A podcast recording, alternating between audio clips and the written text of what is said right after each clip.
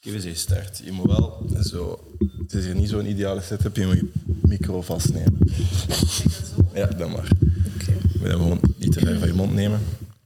Maar ik zit hier dus eh, samen met Siam van uh, She Did It. Wat is She Did? Wie ben jij? Where to begin? Eh, nee, de Shiderit is een organisatie die zich focust op eh, het diverser maken van vrouwelijk ondernemerschap. Dus we zijn een vijftal jaar geleden gestart met het idee om ja, ondernemerschap meer toegankelijker te maken voor enerzijds vrouwen, maar ook vrouwen met een migratieachtergrond. Omdat we wel hebben gemerkt van er zit heel wat talent, heel wat potentieel binnen verschillende culturele gemeenschappen, maar die krijgen eigenlijk geen manier om dat echt te laten zien of eigenlijk in de spotlight gezet te worden. Dus wouden we dat eigenlijk in de eerste instantie heel hard realiseren. Dus die vrouwen in de spotlight zetten. En anderzijds ook gewoon um, laten zien dat ondernemerschap niet zo hoogdrempelig hoeft te zijn. Dat iedereen wel op een of andere manier ondernemer kan worden. Uh, en meer rond de community building ook te, te focussen dat iedereen zich wel gesteund voelt, zeker de vrouwen, omdat die niet hard focussen op netwerken bijvoorbeeld. Uh, dus proberen we daar ook eigenlijk meer op in te zetten. Dus het hoofddoel van Shidirit is echt zoveel mogelijk vrouwen eigenlijk de kans geven, de tools geven om te ondernemen en vooral dan vrouwen met een migratieachtergrond. Ja, maar ik kan me wel inbeelden zo heel veel van die vrouwen zo problemen hebben met netwerk of zo een gevoel van ergens bij te horen. Zeker mm. als die zo'n migratieachtergrond hebben en van ergens helemaal anders komen. En dan zo plots hier gedropt worden en niemand kennen. En dan zo... Maar wij hebben hier ook zo sommige jongen die zo komen en zo... Ah, ik heb eigenlijk het gevoel dat ik ergens bij hoor. Dus ik snap wel dat dat effect heeft. Maar hoe doe je, doe je dan een activiteiten of zo? Ja, dus we waren eigenlijk in het begin gewoon als een soort van communicatiecampagne begonnen. Om gewoon te laten zien van... hey, deze vrouwen bestaan ook. Kijk naar hun. Um, maar daarna hebben we gewoon gezien, na heel veel evenementen te organiseren, maandelijks workshops, netwerkmomenten, um, dat vrouwen echt nood hadden aan begeleiding. Dus dat ze niet per se de weg vonden naar traditionele organisaties die er al heel lang bestaan, omdat die zich gewoon niet gehoord of gezien voelen. Want ze vinden zichzelf eigenlijk niet terug in het personeel of in het team of in de organisatie zelf. En dan hebben we eigenlijk gezegd van oké, ja, uh, we moeten wel een aanbod voorzien. Dus wij doen nu momenteel uh, one-on-one business coachings. En dan doen we ook voor de jongeren specifiek uh, groepsprogramma, waarbij dat ze dus een ondernemingsidee uitwerken, dan moeten pitchen voor een jury.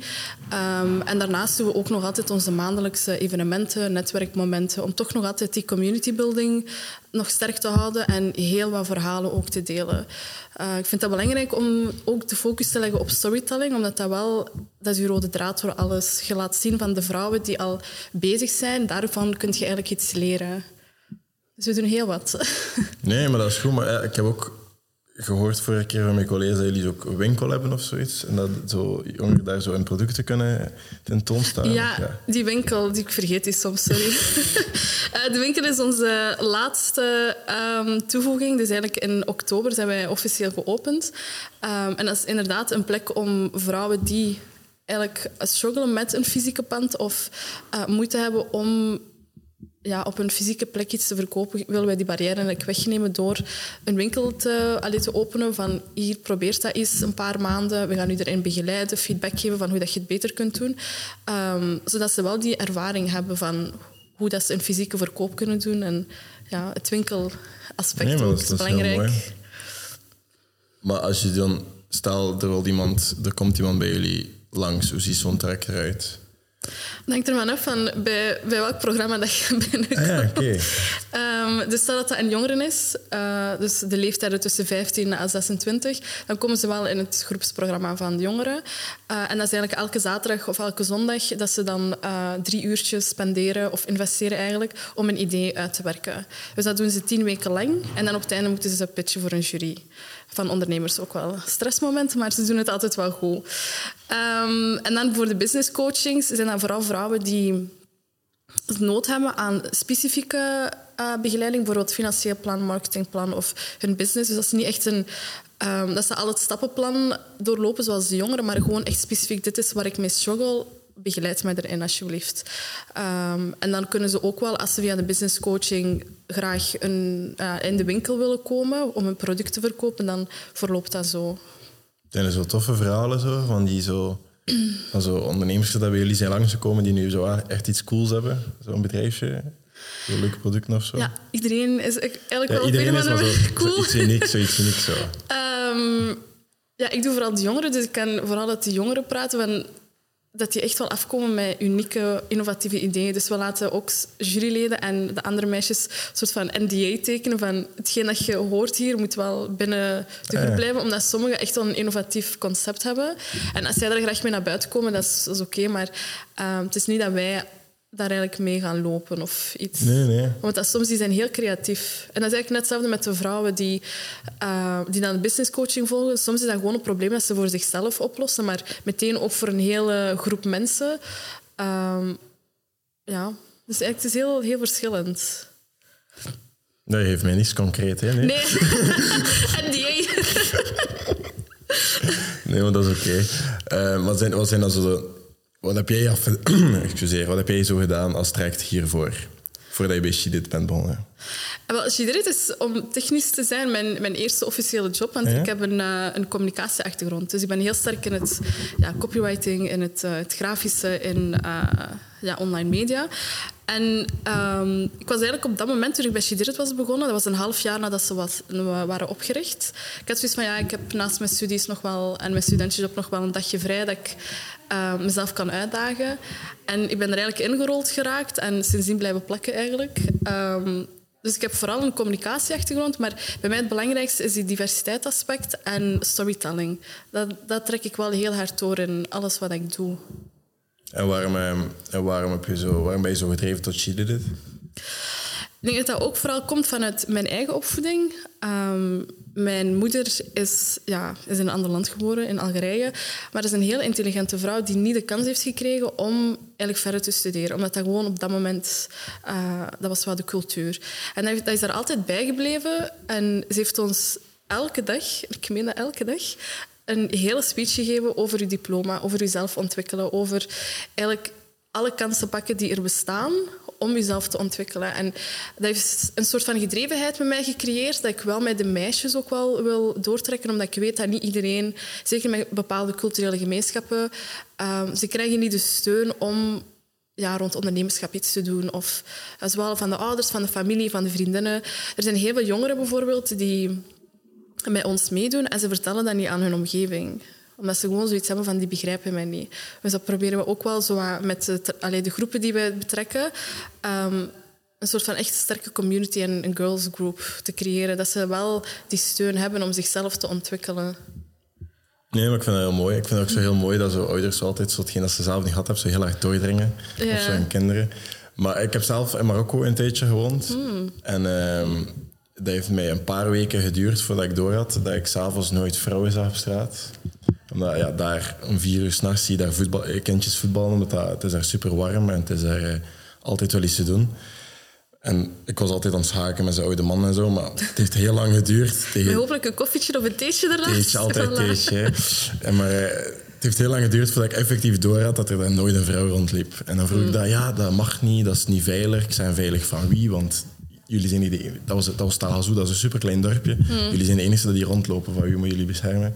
Maar dat is, dat is blijkbaar een heel serieuze cultuur. En mm. dan snap ik dat dat zowel doorgetrokken wordt naar, naar bijvoorbeeld mensen die van andere culturen naar hier komen en zo.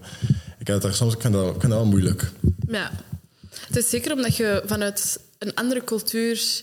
Alleen je kijkt vanuit een westerse bril eigenlijk naar bijvoorbeeld de Marokkaanse cultuur. Terwijl als het omgekeerd is, dan is dat dus van... Het is een soort van veiligheid dat ze creëren. Um, er is wel een reden waarom dat ze niet op straat hangen, maar de meisjes die hebben hun andere, allee, die hebben hun manier om toch samen te komen. Of, ja. ja je hebt maar ook allemaal die, de rooftops dat vol met meisjes uh, ja, zit soms. Dus. zeker. En die markten en zo. Ja. Nee, maar dat is inderdaad wel waar. Maar dan zo toch zo... Zo altijd zo dat, dat beschermende. En dan zo je outreachment hier met jongeren werken dat ook zo. Naar vrouwen zo soms is dat heel moeilijk, omdat die vaak thuis zitten. Ja. En dan hoe bereik je die? Ja. Door social media, als je geluk hebt. Ja. En anders, maar die gaan zo niet zo vaak zoals jongens of zo een keer naar een netwerkevent. Ja, en dat ervaren wij ook wel met de, ja, de volwassen vrouwen, om het zo te zeggen, die we dan bereiken. Er zijn heel wat huismoeders die, die, heel, allee, die vanuit thuis uit eigenlijk ondernemen. Um, maar nog niet officieel. Of nog niet de juiste kennis hebben of de juiste basis om ja, echt legit te gaan. En die proberen wij ook wel te betrekken. Maar daar moet je gewoon eigenlijk weten van dat is een cultureel kader dat je heel hard moet doorprikken, omdat ze niks anders gewoon zijn, om het zo te zeggen. Die uh, hebben een bepaalde mentaliteit meegekregen van... Oké, ik moet thuis zijn. Ik ben de baas over het huishouden, omdat dat in het Arabisch iets heel speciaals is. Um, dus proberen wij die op een andere manier te bereiken door te laten zien van oké, je komt wel in een groep terecht, overdag dan. Uh, als de kindjes op school zijn of iets, uh, kun je wel business coaching doen, bijvoorbeeld vanuit thuis uit. Dus de coaching die wij geven, is ook gewoon online. Dus we proberen het echt wel zo laagdrempelig mogelijk te maken. Um, dat iedereen op elk moment eigenlijk kan deelnemen. En hoe vind je die dan, zo die huisvrouwen? Uh, dat is eigenlijk via partnerorganisaties ook wel. En af en toe de dochters die dan met de jongeren, met youthpreneurs meedoen, die vertellen het dan door. En ja, het is, via alle kanten komen er wel. En zo, want daar ken ik bijvoorbeeld heel weinig dan. Bijvoorbeeld de Arabisch, dat speciale, waarom dan vrouwen thuis zijn. Hoe, ja. hoe zit dat in elkaar eigenlijk? Um, dus in het Arabisch, opnieuw, je moet even je westerse bril uitdoen. zeker, het, uh, zeker. Ja. Uh, dus vanuit het Arabisch of het Islamitische dan, zeggen ze eigenlijk, het, het, de vrouw is de baas over het huishouden. Want zij is, als je dan kinderen hebt vooral, um, zij is degene die de volgende generatie is aan het opvoeden. En zij is ook hetgene, allee, degene die van een, een huis een thuis maakt. Maar als je het vanuit het Westen bekijkt, dan is dat zoiets van, ah, dat is maar een huisvrouw. Dat is iemand die thuis blijft, geen dromen, geen ambities heeft. Terwijl als je het gewoon een klein beetje shift, dan denk je van, nee, dit is wel alles wat dat zij doet of geeft, uh, of bezit, geeft zij wel door aan de volgende generatie. En dat, dat is zo, soms is dat ook wel moeilijk, omdat bijvoorbeeld ik, ben, ik, heb, ja, ik heb een Marokkaanse afkomst. Ik zit met één voet in het Westen, één voet in Noord-Afrika, om het zo te zeggen. Dus dan is dat voor mij ook soms moeilijk te navigeren, omdat ik een heel ambitieuze moeder heb, maar die ook wel soms zegt van vergeet uw, uw geloof niet of uw cultuur niet. En dan denk ik van, wait, what? Dus soms is dat wel een beetje moeilijk. Waar, waar merk je dan die wrijving? Zo tussen die twee werelden? Ik denk vooral als je dan ja, heel ambitieus bent. Hè. Um, dat... Ja, als je heel... Ja. Maar enerzijds steunt je mama dan wel, van je moet een diploma ja. halen, je moet zorgen voor jezelf, je moet, allez, je moet er staan voordat je staat. Want ze, ze drijft dat heel hard door jou en ze doet dat goed, denk ik, want hier sta je. Here I am. maar dan anderzijds zegt ze dat wel, ja, je moet wel ja. blijven wie dat, wie, wie, dat wij zijn als gemeenschap. En... Ja.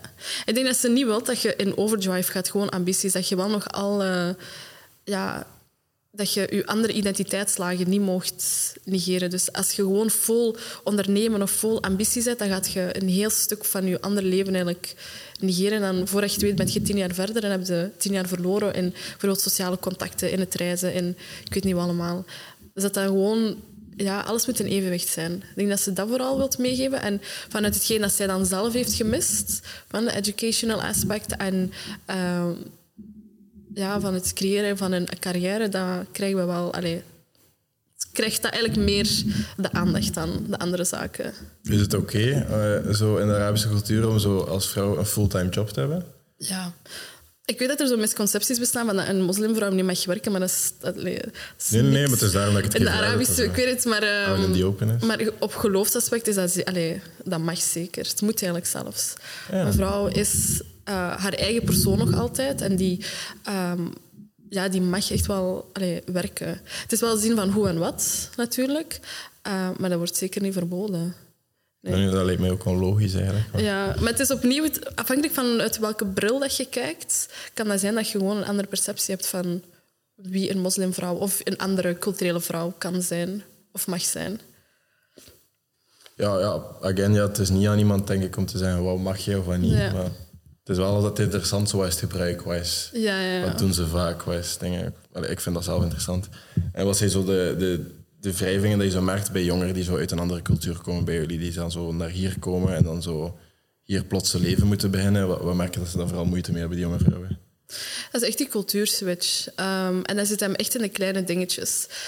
Um, want dat is, allee, dat is niet eens van toepassing op mensen die gewoon allee, verhuizen naar hier, maar het is ook bijvoorbeeld wij die geboren en getogen zijn hier. Mhm. Je voelt echt wel een verschil tussen de cultuur die je thuis hebt en de cultuur die je buiten ervaart. Dus een paar voorbeelden is uh, ja, dus het social aspect. Bijvoorbeeld Marokkanen zijn heel sociaal, heel hallo, alles goed, glimlach op straat, alles. Terwijl in de Belgische cultuur is dat eigenlijk iets minder. Wij zijn veel bescheidener, veel, iedereen in zijn eigen huisje. Dat je eigenlijk soms ook een afspraak moet maken om langs te komen. Terwijl Marokkanen gaan gewoon aanbellen en je ziet wel of dat iemand thuis is. Um, maar ik denk wel dat positieve aan, aan allee, stel dat je in een, een westerse land woont, dat je veel meer kansen krijgt om je ambities te volgen en om jezelf te ontwikkelen. Het onderwijsaspect is wel hier veel sterker en veel ontwikkelder, om het zo te zeggen. Maar is dat dan omdat wij meer individualistisch zijn als gemeenschap? Of is dat... Ja, omdat je ook wel jezelf echt wilt ontwikkelen. Ja. Je wilt je eigen skills um, eigenlijk verder ontplooien. Je wilt een carrière maken. Um, maar we merken ook wel dat de jongeren die we aantrekken, de vrouwen die bij ons in begeleiding komen, dat die ook heel vaak eigenlijk social impact willen creëren.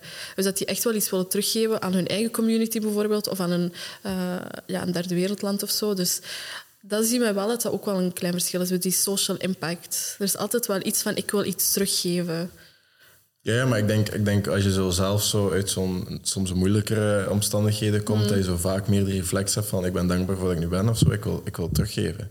Ja. Bijvoorbeeld, um, ik was drie weken geleden in de kassa en ik zag iemand, het zat vier euro. Allee, het was echt niet veel, het was heel kort, ik heb dat daar gegeven. Maar ik denk, ik denk dan altijd van, ooit had zij op haar beurt dat dan voilà. teruggeven aan iemand anders. En ik denk dan op, op dingen, op zulke wensen zijn dat zo van zo van die sociale dingen, zo als zij iets meegemaakt hebben, maar ze zijn er dan doorgekomen, wilden ze andere mensen daar ja, door helpen. Voilà. Dat is... Ik denk dat het echt wel een reflex is. En ik denk dat dat zo moeilijk te verstaan is voor mensen die dat dan helemaal niet hebben en die dan zo puur op geld gaan en zo. Ja. Maar ja, soms werkt dat ook. Hè, dus. Nee, maar zo wat is nu echt iets van jouw passies, wat echt zo op gedreven bent? Dat is die vrouwen waarschijnlijk. Zo echt zo die diversiteit. En ja, vooral eigenlijk die jongeren. Um, ik vind dat enorm mooi als die zo heel awkwardly binnenkomen. Of uh, ze, ze zijn zo onzeker over zichzelf, maar als ze dan een traject volgen bij ons tegen het einde, die staan daar zo vol zelfvertrouwen. En ja, ik sta achter mijn idee, ik weet wat ik kan zeggen ben. Dat is eigenlijk het mooiste, dat je die je hebt iets wakker gemaakt in hun. Je hebt zo, ja, we hebben een zaadje geplant, we hebben dat gewaterd, maar het is nu aan hun om dat eigenlijk verder te doen ontwikkelen. En we zien dat ook, hetgeen dat ze dan bij ons realiseren, ze zetten dat wel voort in hun studiekeuze of hetgeen dat ze achteraf doen, dat we daar ook wel een impact in hebben. Ik, ik vind het gewoon enorm mooi en heartwarming, om het zo te zeggen, om... Uh, om te zien dat je, wat voor impact dat je hebt op die jongeren op een hele korte periode. Als, als je die gewoon het gevoel geeft van wij horen u en wij zien u om wie dat je bent, om wat dat je eigenlijk hier wilt realiseren. Ja, tonen dat je zo dat ze iets te zeggen hebben. Dan, ja, ja, voilà. Zonder dat, dat je u moet re, allez, rekening houden met culturele kaders, religieuze kaders, uw vriendinnen. Um, om een voorbeeld te geven, als er een duo van vriendinnen hun, uh, samen een traject willen doen, dus een onderneming willen uitwerken, ik ben daar ter strengste tegen. Omdat ik zeg van, jullie kunnen jullie eigen ding eigenlijk niet doen, want je moet de hele tijd rekening houden met elkaar. Dus je gaat jezelf eigenlijk het zwijgen opleggen. Dus doe dat liefst deze tien weken, doe dat apart en achteraf kun je zien hoe je samen kunt werken. Maar geef jezelf eerst de ruimte om jezelf te ontwikkelen, om te zien van, wat wil ik eigenlijk doen, vooral dat je iemands anders mening uh, moet betrekken of rekening mee moet houden. Denk je dan dat, dat het makkelijker is om alleen een bedrijf te starten dan met twee? Dat hangt ervan af wat voor persoonlijkheid dat je hebt. Dat is echt wel karakter en discipline en duidelijke afspraken maken.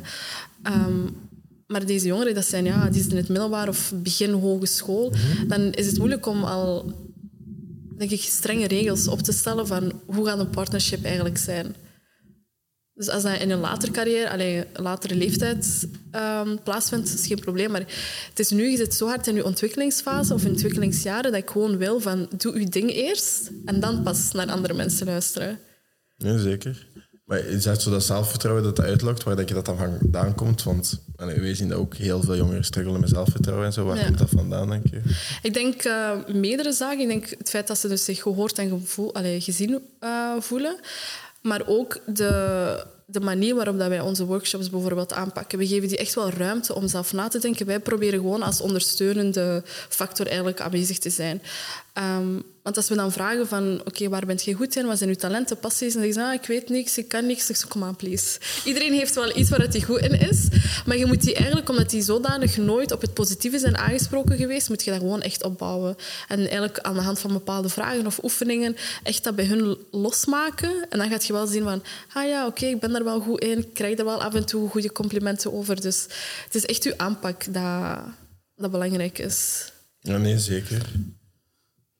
Ja, maar ja, ik merk dat ook als zo, dat die zo, als zo vaak wordt zo gezegd dat je fout bent of Ja. Zo, er wordt op neergebuigd dat je zo niets durven zeggen. Of zo van, wat is jouw talent? Was, ah, ik heb geen talent, kan ik niks. En dan- Dus ja, Netflix. Ik zo, ja, geen passie. Ja, maar we hebben hier ook zo jongen en dan vragen we, ja, creëer onze affiche voor volgende week. En dan zit hij hier drie dagen van s ochtends tot avonds te werken aan een affiche en heeft hij iets mega mooi gecreëerd Ja. niemand van de mensen dat, dat, dat in mijn team zitten, dat dat kon maken. Ja. En dan denk ik, ja, kom, je zit hier te zeggen dat je niks kan.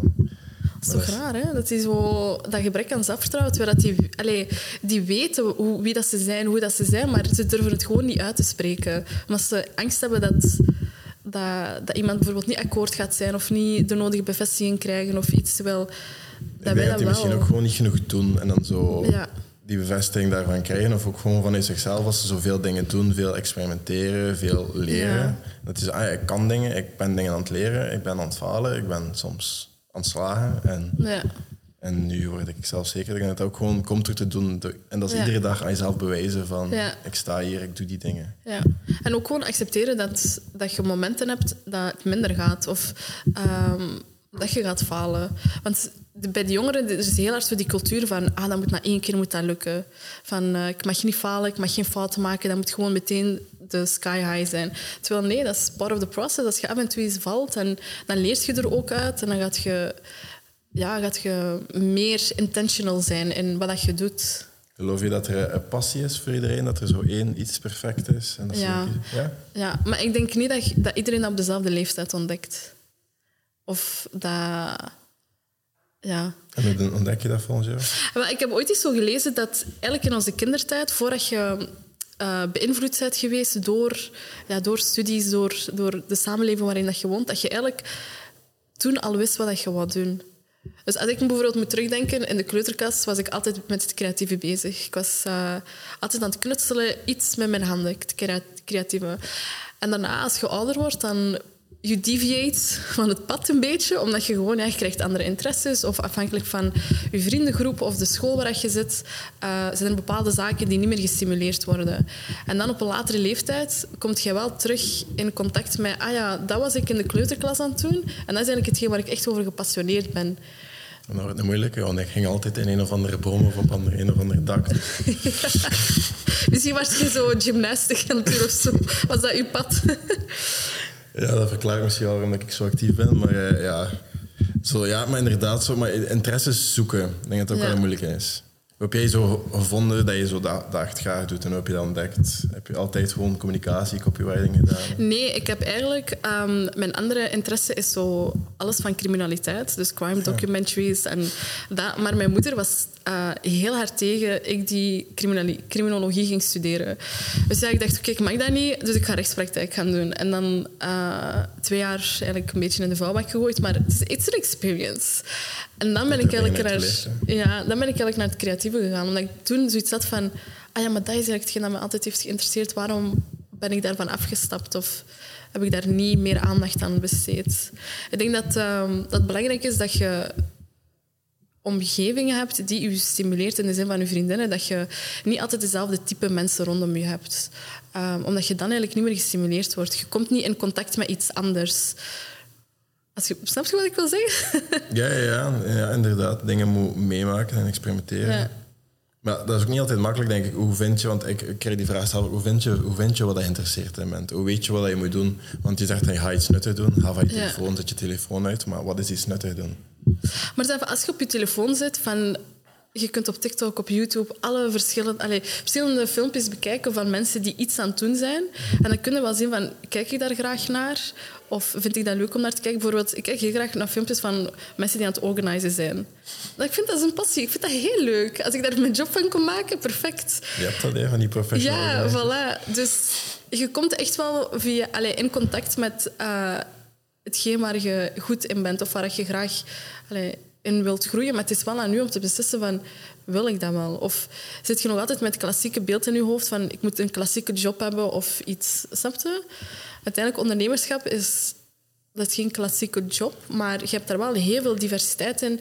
Van, qua ondernemingen, qua leiderschapsstijlen. Dus Wel, stel, we zitten hier nu met een fictief 16-jarig meisje die thuis, allee, ze, ze gaat naar school, ze, ze gaat naar de fitness, want iedereen doet het een beetje, zorgt een beetje voor haarzelf, ze leest af en toe een boek. Maar dan merk ze s'avonds drie uur te scrollen op TikTok. Ja. En dan gaat ze in bed en dan gaat ze slapen. En dan denk ze van eigenlijk, ik wil ik nog wat iets extra doen met mijn tijd. In plaats van dat ik dingen, hoe zou je zo haar pad, zo, wat zou je tip- tips zijn daarvoor? Ik denk, ehm, probeer pagina's te volgen. Eerst en vooral, als je toch op je gsm zit in de avond, probeer pagina's te volgen die uit je comfortzone zijn. Dus bijvoorbeeld Shideret, wij proberen zoveel mogelijk ja, verschillende verhalen, verschillende dingen te delen. Ook heel veel evenementen. Probeer naar evenementen te gaan. Waar je het gevoel hebt van, oké, jongeren zitten daar. Ehm, ik, ik kan daar mensen leren kennen die, die zo in mijn, mijn sfeer zitten. Ehm, maar again, ja, probeer gewoon echt uit je comfortzone te gaan offline, online.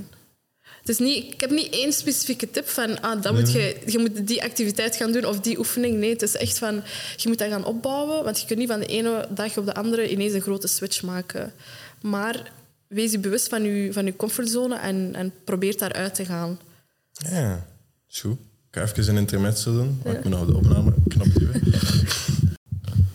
Oké ik heb deze goed. Heel deze systeem. Ehm waar waren we? Ik ben dat helemaal kwijt. Hmm, deep thoughts. Ja, die, ja nee, die tips die je zo hebt, dat je zo geen tip hebt voor zo oncomfort, allee, uit je comfortzone gaan en zo. Nu, dat is allemaal zo super makkelijk gezegd, vind ik dan. Van, ja, dat, bekijk dat, volg dan die pagina's, doe dan die dingen. Lees een nuttig boek, een boek uit je interesse. Eh, trouwens, lezen, ik, ik krijg zo heel vaak welke boeken en zo. Voor, bijvoorbeeld mensen die zo de, de, de reflex hebben om zo van, de, van cover tot cover te lezen. Maar je mag stoppen met een boek te lezen. En dat is zo, ook zo daar. En dat is zo, ja nee, ik moet dat dingen. Dat is zo, als dat je niet interesseert, smijt dat weg aan het volgende. Ik denk dat dat ook wel zoiets is van zoek je interesses op. Maar wat doe jij naast je dit? Uh, als ik tijd heb, om het zo te zeggen, naast Shideret. Nee, ik probeer wel, um, omdat Shideret wel heel veel tijd van mij eist, en ik vind dat perfect oké, probeer ik wel mijn social life echt te onderhouden. Echt gewoon, zoals ik zei, dat is mijn, mijn comfortzone misschien, uh, allee, of buiten mijn comfortzone gaan, vriendinnen hebben die niks met Shideret te maken hebben. Dus ik vind dat wel belangrijk, omdat ik dan ook gewoon gestimuleerd word of geïnspireerd word door oké, wat doen jullie in jullie leven? En ehm, daar haal ik ook wel dingen uit. Dus heel hard met mijn social life investeren. Ehm, en daarnaast probeer ik ook wel... Ja, ik ben een poëtische ziel, dus ik schrijf ook wel heel graag. Eh, en ik lees ook wel boeken.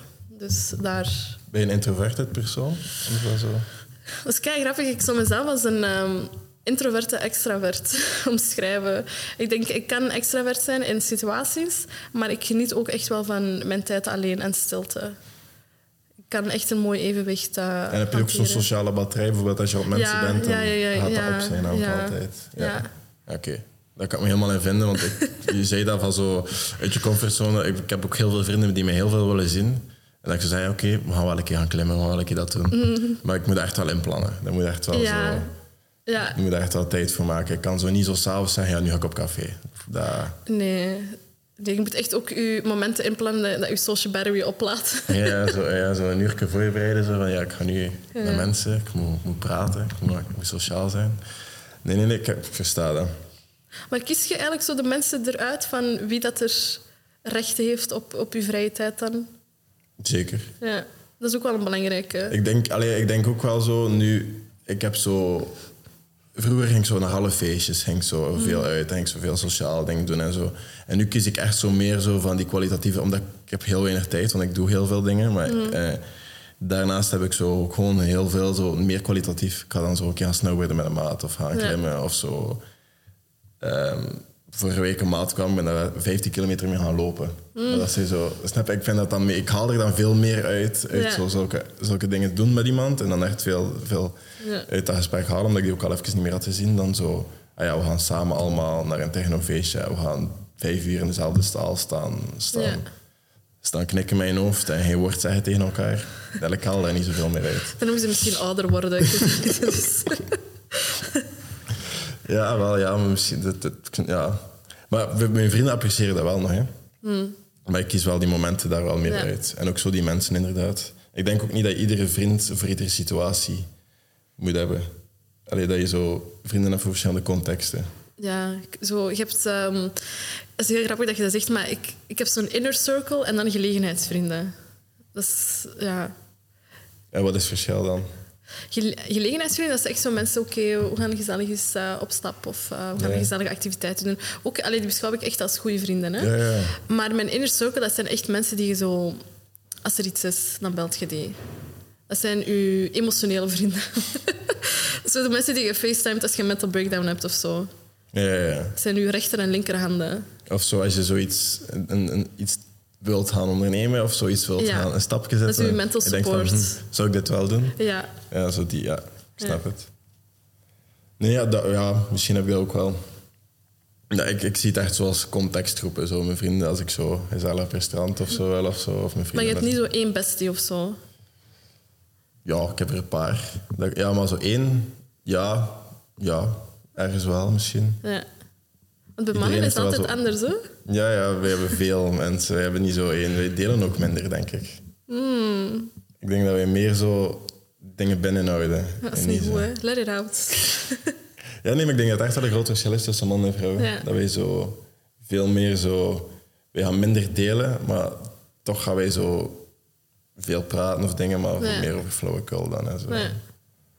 Of zo over meer dingen doen en plannen maken en zo. Maar zo over wat dat er daar allemaal in hoofd rond speelt, Ja. gaat er niet veel gepraat worden, denk ik. Dat is wel een verschil. Wat denk, je wat denk jij dat het verschil is? Eh, ik denk dat bij meisjes dat, dat je... ehm, je, wil, ja, je bent echt op zoek naar je people.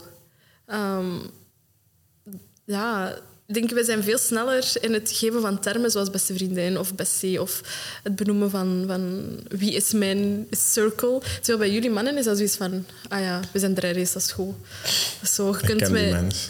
ja, voilà. Terwijl bij ons is er zo'n hele theorie achter, een hele verklaring van wie is die persoon voor u, hoe belangrijk is die. En ja, Hoe hoeft dat? voor de een wel, voor de ander niet, dat hangt er wel van af. Ik denk dat voor meisjes, omdat wij zo emotioneel zijn en heel veel voelen altijd, heb je wel, ehm, of heel veel willen praten, laat ik het zo zeggen, heb je wel misschien nood aan gewoon zo een, een, echt een paar vriendinnen die u begrijpen en die luisteren enzovoort. Terwijl dat bij mannen is dat misschien wat minder nodig. Ja, wel, ja. Ja, ik denk dat wij ons sociaal contact en zo Ja, dat vooral appreciëren en zo. Het feit dat we mensen kennen of zo. ja. Het is altijd handig, mensen kennen.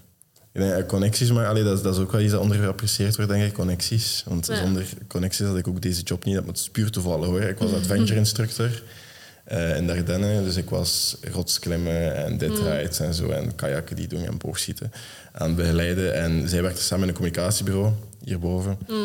Ehm, en ik zocht nog een stageplaats voor snel. En ik had daar twee dagen tijd voor. Ik ben redelijk last minute soms. En ehm s'avonds gebeld. En aangezien dat ik in mijn vrije tijd ook heel veel deed voor jongeren en zo, gebeld met Rafael, de eigenaar van We Walk the Talk. En dan zei hij van ja, ik zie dat wel zitten. En dan zei hij wanneer moet je starten? Ik zei ja, het is vrijdag, maandag moet ik starten.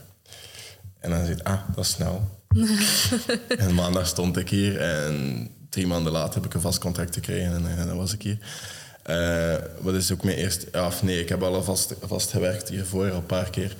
Ehm, maar ik denk wel connecties dat dat inderdaad een groot ding is. Dat, dat je vaak niet genoeg beseft als je zo iemand kent of hoe je best doet ergens en die mens verwijst zo door of zo, hoeveel impact dat kan hebben. Ja, en ook gewoon dat je authentiek bent tegenover de mensen die je leert kennen. Ehm, dat je niet een bepaalde persona moet aannemen, zeker in een professionele context dan, Ehm, maar ook ja, privé, obviously. Dat je gewoon laat zien wat je echt bent. Dat mensen wel een goed gevoel hebben bij u en u later, ook al hebben ze u maar één keer gezien, wel sneller antwoorden of sneller u willen helpen of zo.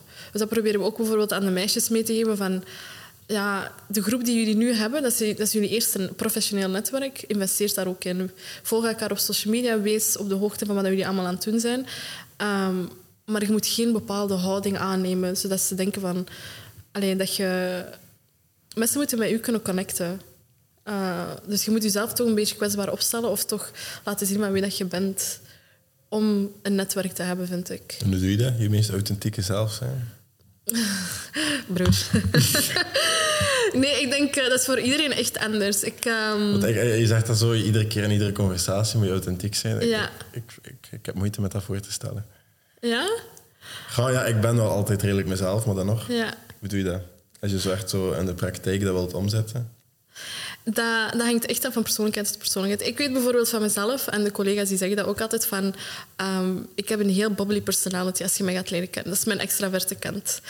Ehm, en dan, ja, gewoon small talk met mensen, maar gewoon dat je oprecht bent. En in de zin van dat je vragen stelt. Dat, eigenlijk hetgeen dat je nu aan het doen bent, stel dat, er geen, dat je niet aan het opnemen bent, dat is voor mij al heel authentiek. Dat je gewoon geïnteresseerd bent in de persoon en niet van, ah ja, we moeten een doel behalen of ik heb iets nodig van u of iets. Want je voelt dat heel hard uh, als dat het geval is. Ja, ja, maar ja, dat is ook zoiets, dat is zo heel kleins, maar zo altijd ietsjes meer zijn. Bijvoorbeeld, ja. van waar kom je? Niet gewoon Antwerpen of Gent ja. of van ja, ik ben daar geboren en dan ben ik naar daar gegaan. Ik heb daar gestudeerd, maar uiteindelijk ben ik geland in Gent.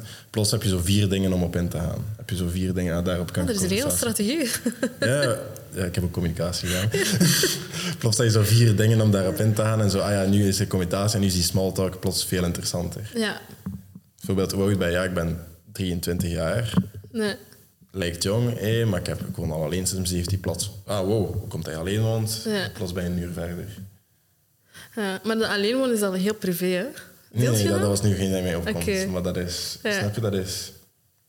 Dat zijn wel zo altijd zo ietsjes meer antwoorden. Dat helpt wel om een conversatie. Ja. Want bijvoorbeeld, ik, ik was heel slecht in smalltalk, nog altijd. Maar als ik dan zo dat niet zie als smalltalk en zo denk van ik ga iets vrijgeven, dan ga ik meer te weten komen. Ja. Zo, dan, dan werkt dat wel. Maar zo niet van, het is mooi weer vandaar.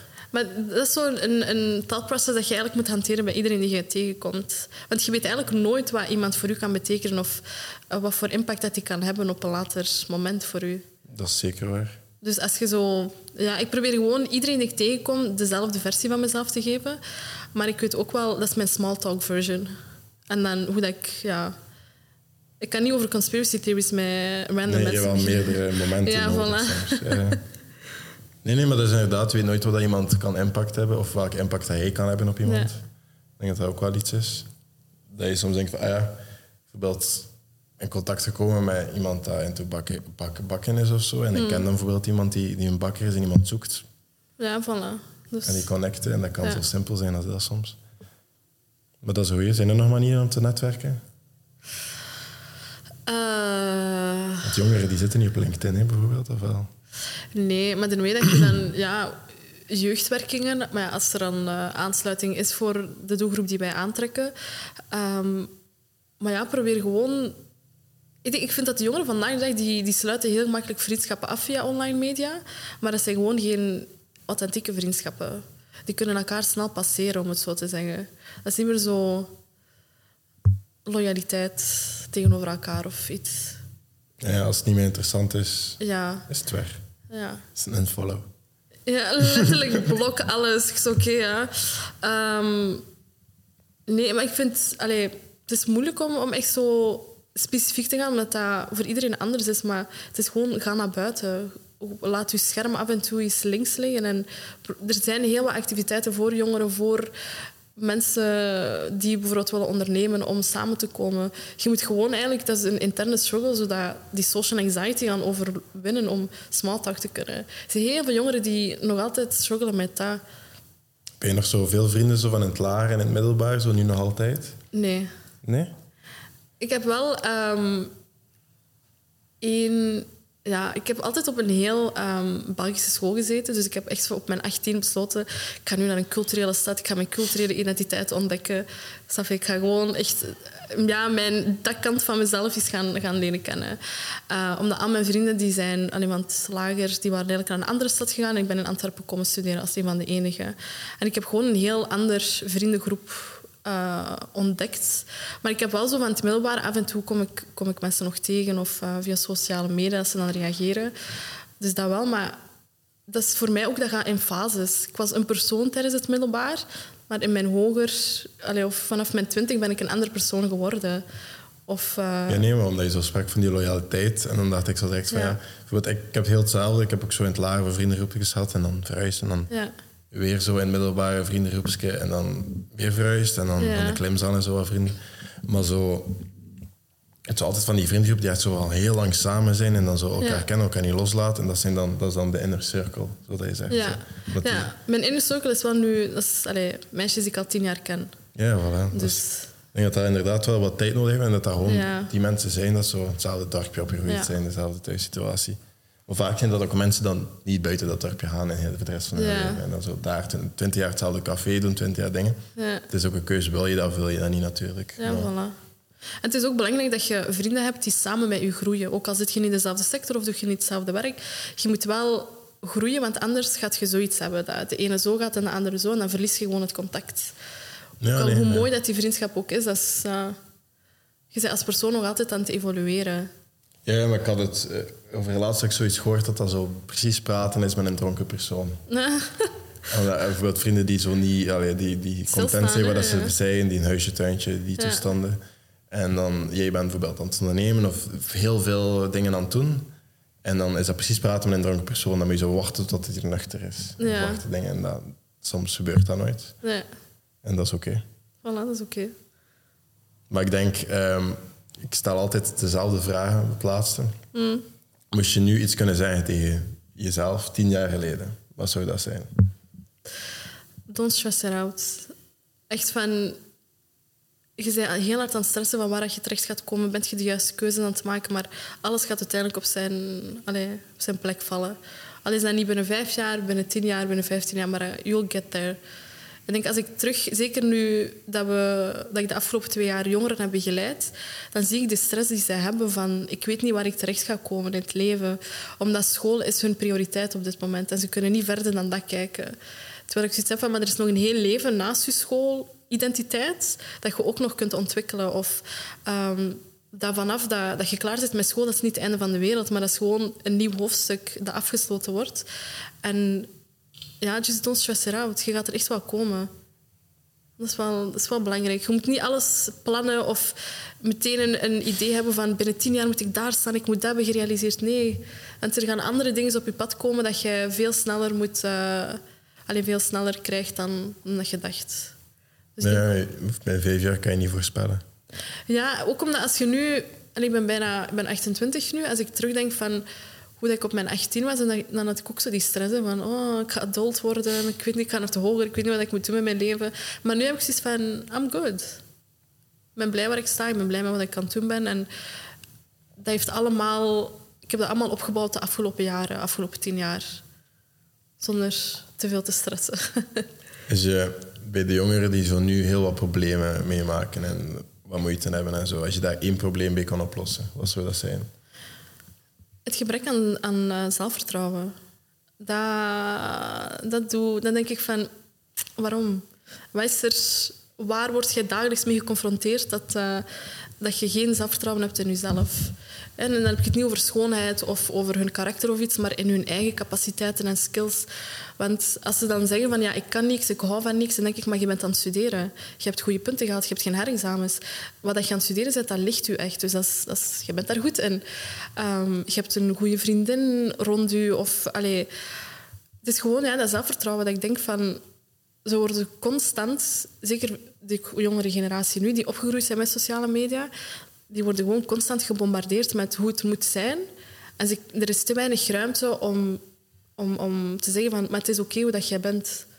Want uw toevoeging aan de samenleving gaat ook even mooi zijn dan wat je op social media ziet.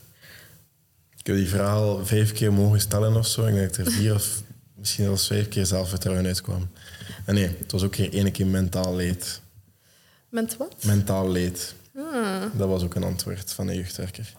Eh, maar ja, zelfvertrouwen, ik als dat oplost is, maar dat is, dat is een moeilijke, denk ik. Tuurlijk, maar je bouwt dat op. Hè. En bij mij is het zo... ehm, ik probeer een Kanye West attitude te hebben. dat je gewoon eigenlijk ehm, op jezelf leert vertrouwen door je zwaktes te kennen. Dat vooral, want dat is eigenlijk dat mensen heel hard tegen je kunnen gebruiken. Maar werkt aan die zwaktes. Doe heel hard aan eh, zelfontwikkeling. Ik weet dat dat zo vandaag de dag zo meh, een beetje flowy is in de wolken. Ehm, maar het is echt wel zo. Die personal growth is heel belangrijk. Want dat gaat ervoor zorgen dat je eh, gewoon sterker in je schoenen gaat staan. nee, zeker. Dat is belangrijk. En dan mocht je een introvert zijn van mij, it's fine. Het beste advies dat je ooit had. Eh, dat is eigenlijk uit een film. Ehm, dus dat is niet echt per se een advies naar mij toe, maar dat is iets dat mij altijd is bijgebleven. Uit The Circle noemt dat. Dus die hoofdactrice die was een sollicitatiegesprek aan het doen. En die HR-persoon zei tegen haar van, what is your biggest fear? En die zei, unfulfilled potential. En gewoon die twee woorden hebben, zijn mij sindsdien eigenlijk heel hard bijgebleven van... ehm, ik wil er gewoon voor zorgen dat al het potentieel dat ik heb, dat dat niet onbenut blijft. Als ik gewoon al een beetje... If I dabble into it, dan ben ik al blij. Wat zijn je toekomstplannen? Ik, ik leef dag tot dag, ga eerlijk zijn. Eh, nee, mijn toekomstplannen zijn eigenlijk alles wat dat... eh ja, met She Did It verder, maar ook eigenlijk uitbreiden. Ik denk, She Did It is echt van na vier jaar een deel van mijn identiteit geworden, omdat ik daar ook wel sinds het begin eh, bij was. Maar mijn focus blijft echt de jongeren. De jongere generatie die eigenlijk sterker maken in hun schoenen en ervoor zorgen dat, dat de verschillende identiteitslagen, dat er geen issue is. Dat die geen identiteitscrisis hebben zoals wij eigenlijk hebben gehad. Dat is, eigenlijk, dat is misschien heel vaag, maar... is goed. Als mensen geïnteresseerd zijn om naar Chili te gaan of daar interesse in hebben, wat moeten ze doen? Eh, ze mogen ons altijd volgen op eh, ja, social media, Instagram, shederit.be en anders via alle sociale kanalen, shederit.be. Oké, is goed. Dank u wel. Ik vond het heel leuk. Yes, bye. Bye.